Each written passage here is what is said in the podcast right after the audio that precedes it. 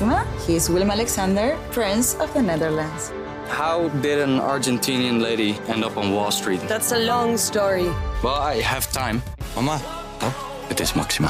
ik heb er nog nooit zo verliefd gezien. Screw everyone. All I care about is you. Maxima. Vanaf 20 april alleen bij Videoland. Alice in Wonderland. Achter de spiegel. Aflevering 48. Door Steven van Watermeulen. De witte ridder die samen met Alice door het bos trekt... is van zijn paard gevallen met het hoofd voorover in een diepe sloot. Alice rende naar de slootkant om te zien hoe hij eraan toe was. Ze was tamelijk overstuur van de val, want een tijd lang had hij het uitstekend volgehouden en ze was bang dat hij zich dit keer echt pijn had gedaan. Maar hoewel ze niets kon zien dan de zolen van zijn voeten, hoorde ze hem tot haar grote opluchting op zijn gewone toon verder praten. Elk soort van snelheid, herhaalde hij, maar het was onverantwoordelijk van hem om de helm van iemand anders op te zetten, met de man erin nog wel. Hoe kunt u zo rustig verder praten met uw hoofd omlaag? vroeg Alice, terwijl ze hem er aan zijn voeten uittrok en in een hoop op de kant legde. De ridder keek verbaasd bij die vraag. Wat doet het ertoe waar mijn lichaam uithangt, zei hij. Mijn geest werkt toch wel door? Trouwens, hoe meer ik het hoofd laat hangen, des te meer nieuwe dingen ik bedenk. Het knapste dat ik ooit heb gedaan, wat dat aangaat, ging hij na een korte stilte voort, was het bedenken van een nieuwe pudding tijdens het hoofdgerecht. En had u hem nog op tijd klaar, als volgende gerecht, zei Alice. Nou, dat was nog eens snel werken. Eh, nee, niet als volgend gerecht, zei de ridder op een zachte, pijnzende toon. Nee. Nee, zeker niet als volgend gerecht.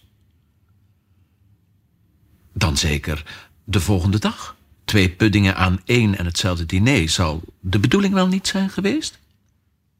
Nee, niet de volgende dag, herhaalde de ridder als tevoren.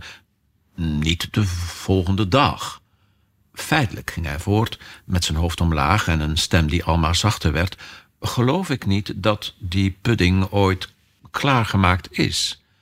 Feitelijk geloof ik niet dat die pudding ooit klaargemaakt zal worden.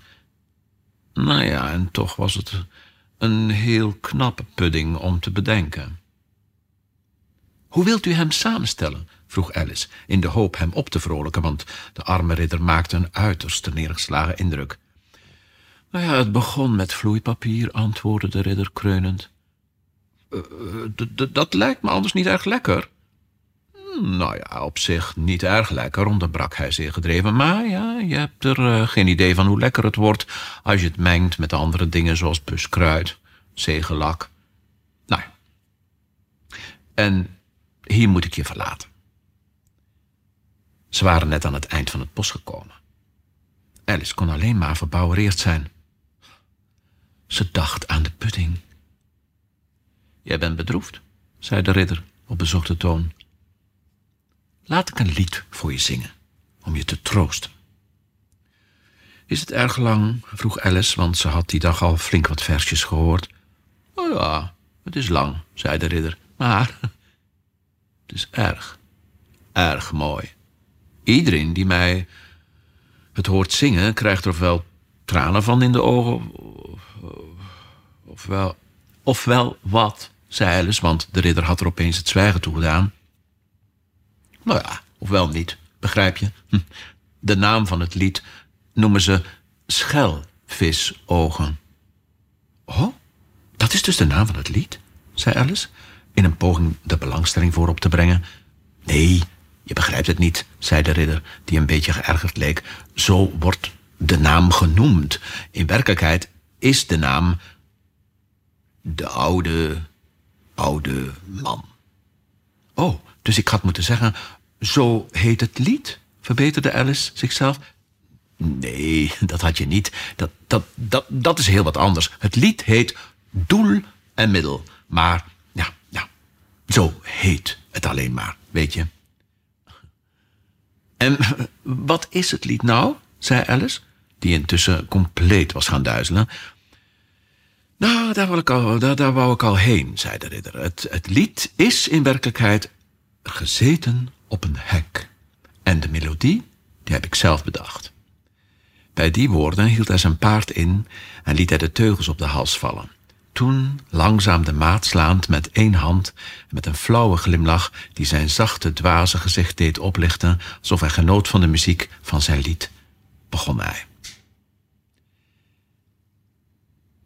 Van alle vreemde dingen die Alice op haar reis achter de spiegel zag, was dit het wat zij zich altijd het helderst herinnerde.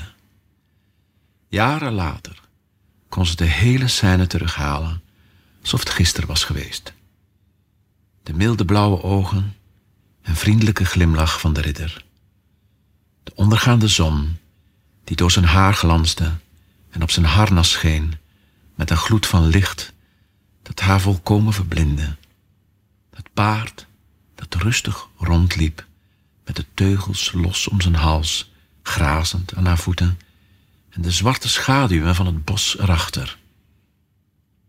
Dat alles nam ze op, als een schilderij, terwijl ze met één hand, haar ogen beschuttend, tegen een boom leunde en het vreemde tweetal bezag en luisterde, half dromend, naar de melancholieke muziek van het lied. Maar de melodie heeft hij niet zelf bedacht, zei ze bij zichzelf. Die is,